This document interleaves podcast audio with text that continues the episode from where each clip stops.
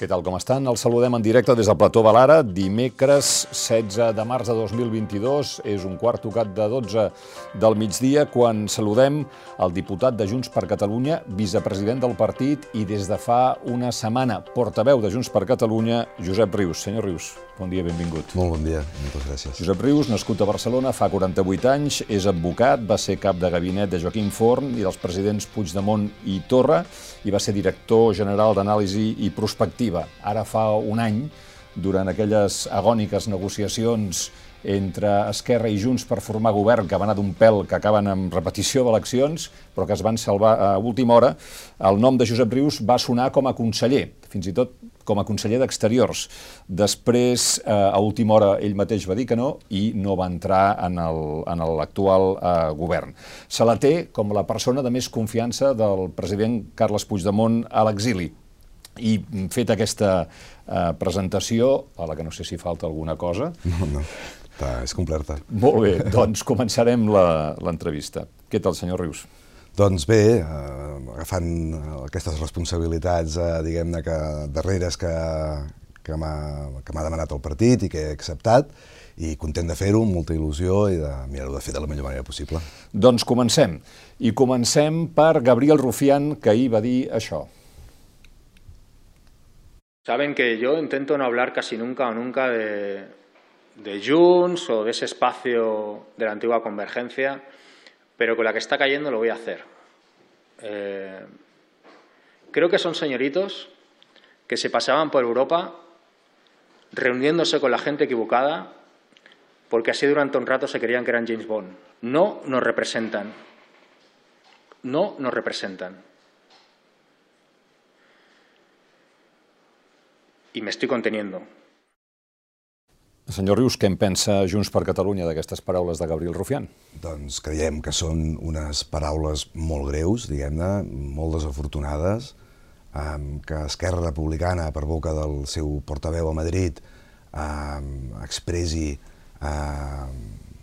aquestes eh, acusacions balades o aquestes insinuacions eh, creiem que no és de rebut, i menys partit amb el qual doncs, hi tenim eh, moltes relacions, conformem govern conjuntament amb ells, i per tant doncs, creiem que, i és el que hem demanat, que s'exigeixin, que es rectifiquin eh, aquestes paraules eh, per part d'Esquerra Republicana.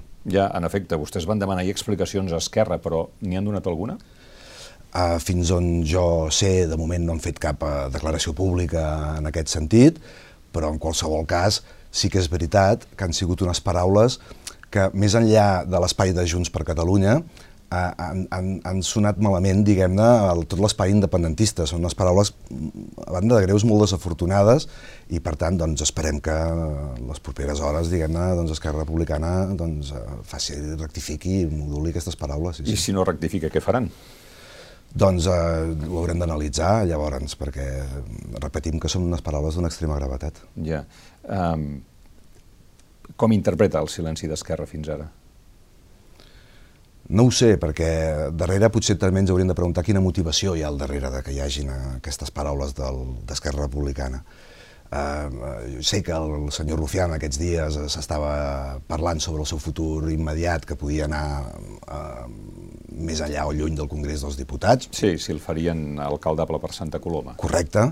Eh, també és veritat que estem en un context d'unes jornades de vaga convocades pels sindicats de docents i que han tingut un ressò que ha, sigut important. No sabem si també era una manera de fer una cortina de, de fum, però en qualsevol cas, mm, repeteixo, són unes paraules que són molt desafortunades. Vostè, com hem dit a la presentació, eh, és una persona molt vinculada a Carles Puigdemont. Uh, vostè sap si el president Puigdemont es va reunir a Suïssa el juny del 2019 amb un presumpte espia del Kremlin? No, a mi no em consta. Jo el que sí que li puc dir, perquè ho he viscut en primera persona des de que el president Puigdemont ha marxat a l'exili, és que el que ha fet ell incansablement és una tasca per internacionalitzar el conflicte que viu Catalunya amb Espanya, per internacionalitzar i explicar i donar a conèixer eh, la voluntat que tenen una majoria de catalans d'esdevenir un país independent, d'esdevenir una república. És una tasca que l'ha fet a tot arreu, l'ha fet de manera pública, um, no és una tasca que hagi anat a buscar reconeixement, sinó que en paraules que diu sempre el president Puigdemont, ell primer va, buscar, va donar el coneixement i el reconeixement ja vindrà, si de cas, ja vindrà després. Amb la pandèmia aquesta tasca és veritat que ha quedat aturada, però el que sí que li puc dir és de que no s'ha reunit amb cap dirigent, amb cap exdirigent ni amb cap mandatari, diguem-ne per d'alguna manera, del, del govern rus o, de, o del Kremlin. Ja. Uh, això vol dir que no ha buscat el reconeixement de, de, de la Rússia de Putin a una Catalunya independent? Això vol dir que ell no, no estem en un moment encara de buscar els reconeixements, perquè els reconeixements es busquen una vegada eh, culmines el procés d'independència, proclames una república i llavors es busquen els reconeixements i això no, no, no s'ha fet en cap cas. Mm. La situació eh, d'aquesta setmana, en fi, per ser la primera setmana de portaveu, diguéssim que no li falten qüestions sobre les quals pronunciar-se. Com saben, el magistrat que porta el cas de Laura Borràs quan era la directora de la Institució de les Lletres Catalanes, conclou que hi ha indicis que va cometre delictes de prevaricació, malversació, frau i falsetat documental. I ara la Fiscalia té 10 dies per acusar-la. Si la Fiscalia acusa Laura Borràs, ha de dimitir de presidenta del Parlament? Nosaltres, amb tots aquests casos que pensem que són casos que formen part d'una causa general contra l'independentisme, que no són gratuïtes, um, anem sempre molt pas a pas. I per tant, ara estem en un moment en que és cert de que el jutge el que ha donat pas, eh, part és a que el fiscal faci el seu escrit d'acusació, estarem atents a aquest escrit d'acusació a veure què diu i una vegada tinguem aquest escrit d'acusació si dona obertura al judici oral o no dona obertura al judici oral després, llavors prendrem les decisions oportunes. Semblaria lògic que donarà pas al judici oral, no? Eh, si, si creu que hi ha indicis de prevaricació, malversació, frau i falsetat documental? Bueno, és un procediment, a més, que, segons es manifesta, eh, la mateixa defensa de Laura Borràs està, està plegat d'irregularitats i ja veurem. Nosaltres hem après que en aquest temps, que és veritat que les coses en poc temps canvien molt. En una setmana les coses canvien moltíssim i, per tant, no volem avançar aquests esdeveniments. Fem plena confiança a la presidenta Borràs amb la, seva, amb la tasca que va fer com a directora de la Institució de les Lletres eh, Catalanes i en aquest sentit, doncs, com a Junts per Catalunya, estarem atents, prendrem les decisions oportunes en el seu moment, però li fem plena confiança a la presidenta Borràs. Sí, sí. Sap que hi ha un article del reglament del Parlament, per ser introduït per la majoria independentista, que diu en els casos en què l'acusació sigui per delictes vinculats a la corrupció, la mesa del Parlament, una vegada sigui ferm l'acte d'obertura del judici oral i sigui conegut, mm -hmm. ha d'acordar la suspensió dels drets i deures parlamentaris de manera immediata. Això és el que passarà? Mm -hmm.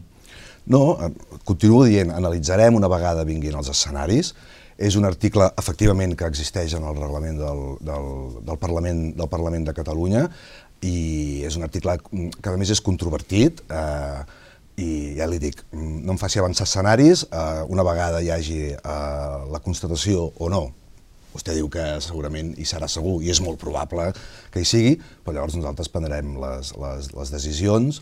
Eh, ahir mateix Uh, si no m'equivoco, van sortir unes declaracions de, de, de dirigents de, de la CUP, en la qual també veien que aquest era un, era un cas que formava part d'aquesta causa general de l'independentisme i nosaltres pensem que no s'ha de perdre mai de vista aquest element. És una causa general que s'està uh, perpetrant contra dirigents, però també contra 3.000 persones que estan acusades per un motiu o per un altre, i que pensem que el conjunt de l'independentisme, com hem fet en d'altres ocasions, hem de mirar de respondre-hi d'una manera col·legiada. No hi veu males praxis en la qüestió de la fraccionació, perdó, del fraccionament de contractes? Ah, el, que, el, el que constato ara és de que això està en, en, en, un jutge, eh, en l'àmbit penal, i, i en aquests casos, diguem-ne, eh, és, una, és un és a dir, la, el que preveu aquest article 25.4 que vostè feia referència precisament és a casos de corrupció, que és en casos de l'àmbit penal. La, la senyora Borràs, la presidenta Borràs ha defensat en tot moment que la seva tasca en el capdavant de la institució de les lletres catalanes va ser ajustada en tot cas a la llei i per tant doncs, no hi veiem cap mala praxis.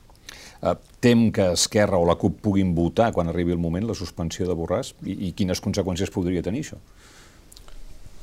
Perdoni que em repeteixi una miqueta, eh, però vull dir que Eh, nosaltres eh, sí que hem procurat sempre donar una resposta col·legiada a tots els embats que fa l'estat espanyol eh, i que fa en aquest cas el sistema judicial en aquesta causa general contra l'independentisme i per tant, doncs d'alguna manera treballarem amb els companys independentistes de partits independentistes per donar una resposta oportuna a aquesta repressió. Bueno, li dic això perquè, en el fons, i això ens torna al tema anterior, el de, el de Rufián, fixis em repeteix dues vegades una expressió que que marca molt una frontera entre vostès, entre Junts i Esquerra, no? que és no ens representen, no es representen. Està parlant del cas de Rússia, però eh, ho està dient algú que, a més a més, eh, és d'un partit que comparteix eh, govern amb vostès. Jo no sé si això és un episodi més d'aquesta mala salut de ferro del govern de coalició o, o realment estan ja al cap del carrer.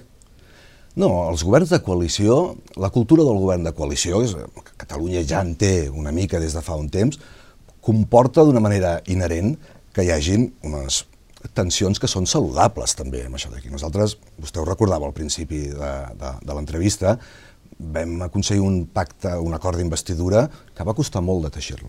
Un acord d'investidura que hem tardat tres mesos, vam esgotar quasi bé el termini per poder-lo per poder fer. És un acord que vull recordar-ho, eh, es basava en uns principis, si no recordo malament estaven al principi, que era de respecte, de confiança i de lleialtat. Aquests són els principis que nosaltres volem de qualsevol moment portar-los amb tots i cadascun dels fets o de les decisions que hàgim de prendre conjuntament amb Esquerra Republicana.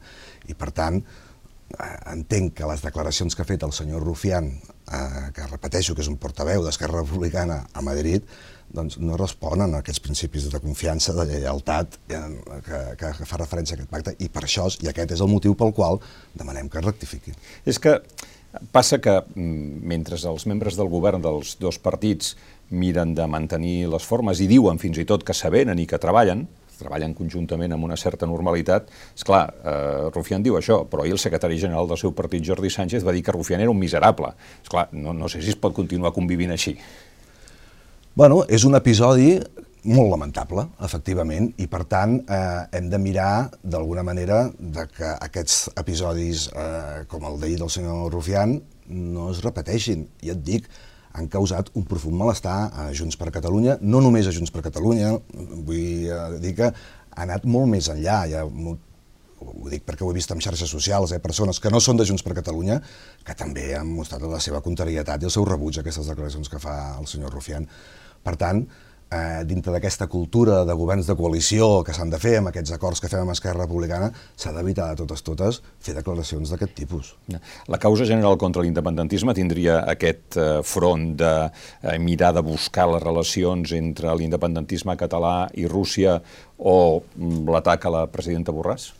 Jo crec que sens dubte, és a dir, no és gratuït que d'un temps ençà torni a rebrotar aquestes presumptes vinculacions entre l'independentisme o l'entorn del president Puigdemont amb Rússia en un moment, en un context d'una invasió russa a Ucraïna, en la qual, lògicament, la reputació de Rússia està en uns moments molt baixos i, per tant, no és gratuït això. Què, què es busca amb això? Es busca desgastar l'independentisme en el seu conjunt i es, i es busca desgastar eh, el, el, el, un dels principals líders, si no el primer, que té l'independentisme amb més projecció internacional, que és el president Puigdemont. Dividir l'independentisme són qüestions bàsiques, diguem-ne, d'una guerra bruta que fa sempre un adversari dividir i mirar de desgastar. Mm. Cada quan hi parla amb el president Puigdemont? Quasi bé cada dia. Uh, el president vol deixar-ho? No, el president Puigdemont, ell sempre ha manifestat que farà allò que sigui millor i que acosti més eh, i que faciliti eh, poder aconseguir eh, i culminar el procés d'independència de Catalunya. Si no m'equivoco, eh, no fa gaire li van fer una pregunta en el marc del Consell per la, per la República i ell va venir a dir que, eh, arribat el moment, si això ajudava, podria fer aquest pas. En pro de què? De que hi hagi una unitat de tot l'espai d'independentisme fent un, un gest d'aquestes característiques. Però és una qüestió que no està al damunt de la taula en aquest moment, és una qüestió que no serà parlat a l'executiva del partit i no és una qüestió que, que d'alguna manera el president Puigdemont hagi pres cap decisió. Com està el president Puigdemont? Bé, doncs eh, farà cinc anys que està a l'exili, ell està molt fort, està molt determinat, eh, està fent una tasca jo crec, molt bona, no només d'internacionalització, sinó també en la seva vessant d'eurodiputat al Parlament Europeu i amb moltes ganes, diguem-ne, de poder-li donar la volta a aquests darrers anys que han sigut molt durs, perquè han sigut uns anys que hem tingut dirigents polítics, hem tingut presos polítics, eh, han sigut uns anys que jo a nivell particular setmanalment anava a la presó de Soto, del Real i d'Estremera i anava després a Waterloo, a Bèlgica, a veure el president Puigdemont. Han sigut un, uns temps molt durs. I per tant, amb ganes de, com li deia, de, de, de, de donar-li la volta al moment amb el qual estem, ser conscients de la força que té l'independentisme, ser conscients d'aquest 52% que vam treure, ser conscients que lògicament fa falta generositat per totes les parts per tal de poder treballar conjuntament i de poder prendre les decisions que facin possible el que creiem que és el millor que, per Catalunya i pels catalans, que és tenir, disposar d'una república que faciliti el progrés i el benestar dels catalans i que puguin prendre les decisions per si sols. Totes les fonts informades del cas deien que ara, ara, eh, a l'arribar a la primavera del 2022, eh, començaria a pronunciar-se la justícia europea sobre la situació del president Puigdemont. Saben si aquest calendari es mantindrà i, per tant, si d'aquí al juny tindrem notícies sobre quin horitzó li espera i, i què en pot haver de la seva eventual tornada a Catalunya? Aquesta és la previsió. També deixi'm fer-li un apunt. A diferència del que passa amb la justícia, amb el sistema judicial espanyol, el sistema judicial europeu, diguem-ne, doncs eh, té una independència i un rigor i aquestes coses no es filtren. Per tant, sí que semblaria que hi han d'haver les sentències que han de resoldre tant del Tribunal General de la Unió Europea com del Tribunal de Justícia de la Unió Europea en els propers, en els propers mesos i són unes sentències que són importants no són les primeres sentències. Des de, amb, aquests darrer, amb aquests quatre anys que fa que el president Puigdemont i els consellers Comín i, i Ponsatí i Puig estan a l'exili, ja hem aconseguit pronunciaments internacionals que han sigut molt importants. Jo vull destacar-ne un, de molt, que és amb el del conseller Puig, que va dir dues coses, molt resumidament, però va dir que no estava clar que el Tribunal Suprem fos competent per jutjar el, o per demanar l'extradició del conseller Puig, i per tant si no era competent, amb el judici del procés també es pot posar en tela de judici què va, si era competent o no. I l'altra qüestió, per mi més important, és de que mm, no està assegurat de que pugui tenir un judici just a l'estat espanyol. Per tant, són pronunciaments que hem anat aconseguint aquests, que, aquests darrers anys, eh, més enllà del que hi va haver a Alemanya, més enllà del que després hi ha hagut també doncs, a Itàlia, o el que hi va haver fins que va ser-hi a Escòcia, i que pensem que han sigut d'alguna manera pronunciaments, posicions de força que ha guanyat l'independentisme, amb això d'aquí. Han arribat aquí la gent, a l'espai independentista han dit, ostres, eh, això eh, ha donat ànims i ha donat esperances i estem convençuts i estem esperançats que els que hagin de venir seran, seran molt importants. També. Però vostè el veu aquí al desembre, tal com ell va dir en un tuit ara per, per Nadal, pel seu aniversari? Ell va expressar que li agradaria molt eh, celebrar el seu 60è, si no m'equivoco, aniversari eh, per Nadal, però tant de bo, tant de bo pogués ser així, però veurem, primer hi ha d'haver uh, aquests pronunciaments i analitzar-los i després doncs, el president Puigdemont prendrà les decisions que hagi de prendre. Però la seva voluntat és, lògicament, la de tornar, la de tornar a Catalunya. Si una cosa no ha fet el president Puigdemont en cap moment és buscar una solució judicial o personal a la seva situació. Ell va marxar a l'exili, i ho recordo perfectament, perquè aquell cap de setmana quan ell va marxar vaig estar amb ell, vaig estar molt en contacte amb ell, eh, no pas per preservar-se ell mateix, sinó precisament per continuar allò que vam ser capaços de fer tots conjuntament a l'octubre del 17, que va ser fer un referèndum i, i lògicament de mirar-lo de culminar, preservar. És un govern a l'exili. O sigui, avui en dia hi ha un president de la Generalitat que és a l'exili. No és la primera vegada de la història del país que passa, però avui en dia encara el tenim i la seva voluntat és la de tornar per poder culminar el procés d'independència. Li preguntava si el president Puigdemont té ganes de deixar-ho, que quedi clar que em refereixo a la presidència de Junts. Mm, això té a veure amb el Congrés Nacional del Partit que, segons els estatuts, l'haurien de celebrar aquest juliol, no? Sí, efectivament, els estatuts del, del, del partit de Junts per Catalunya preveuen que cada dos anys s'ha de celebrar un congrés i, per tant, doncs, aquest congrés s'haurà de fer. El juliol. No és una qüestió que encara, estem tot just hem encetat, diguem-ne, el mes de març, no és una qüestió que encara hàgim tractat als òrgans de direcció del partit, però que s'ha de fer un congrés cada dos anys, ho preveuen els estatuts. Però vull dir, el podrien, perquè l'altra cosa era, bueno, esperem-nos a les municipals de l'any que ve. Seria possible això o no? No, no ho sé, ho desconec, diguem-ne, d'alguna manera, el que preveuen els estatuts és que es celebri cada dos anys. Si recorda, és un congrés que es va fer al Fundacional en plena pandèmia, i per tant és un congrés que és veritat que va començar el juliol i que es va, va ser una sessió oberta eh, i digital, per dir-ho d'alguna manera, durant, durant molts mesos, i per tant jo crec que el més normal és que se celebrés escolta, el mes de juliol, setembre, alguna cosa així. Però aquest any, abans de les municipals? Jo crec que sí. sí, mm -hmm. sí. Uh, el Congrés renovarà la direcció del partit? Doncs eh, li dic, no li puc contestar perquè és una de les qüestions que encara no hem tractat. Quan ho tractem, doncs ho abordarem. Li dic perquè, òbviament, l'última candidata a la presidència de la Generalitat va ser Laura Borràs, que ara té aquest mal pas judicial, el president Puigdemont està en la situació que està.